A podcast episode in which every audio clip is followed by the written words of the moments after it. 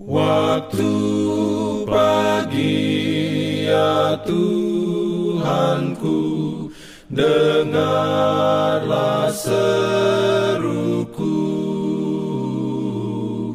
Melayang doa yang sungguh Memandang padamu Selamat pagi pendengar Radio Advent Suara Pengharapan.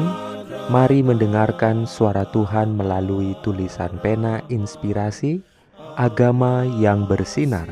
Renungan harian 28 Februari Dengan judul Dalam Roh Kasih yang Mengorbankan Diri.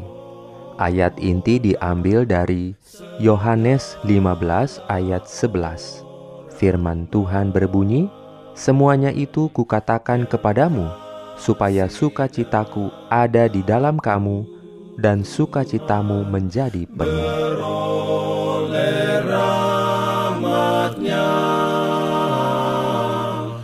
diberikannya perlindungan dalam pimpinannya. Urayanya sebagai berikut.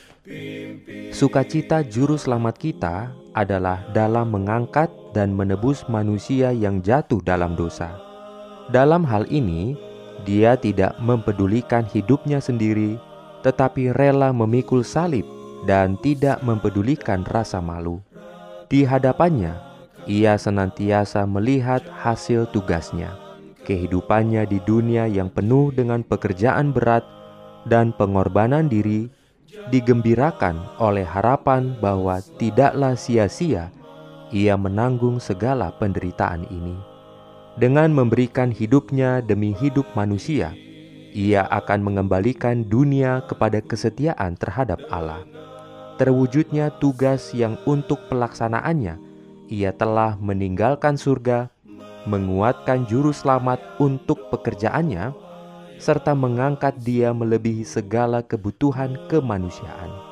Melayani seseorang yang sedang lapar dan haus akan kebenaran lebih menyenangkan baginya daripada makan atau minum. Itulah suatu penghiburan, suatu penyegaran baginya. Kebajikan adalah nyawa jiwanya. Roh kasih Kristus yang rela berkorban adalah roh yang memenuhi surga dan merupakan inti dari kebahagiaan surga. Inilah roh yang akan dimiliki para pengikut Kristus. Inilah pelayanan yang akan mereka lakukan. Amin. Diberikannya perlindungan dalam pimpinannya.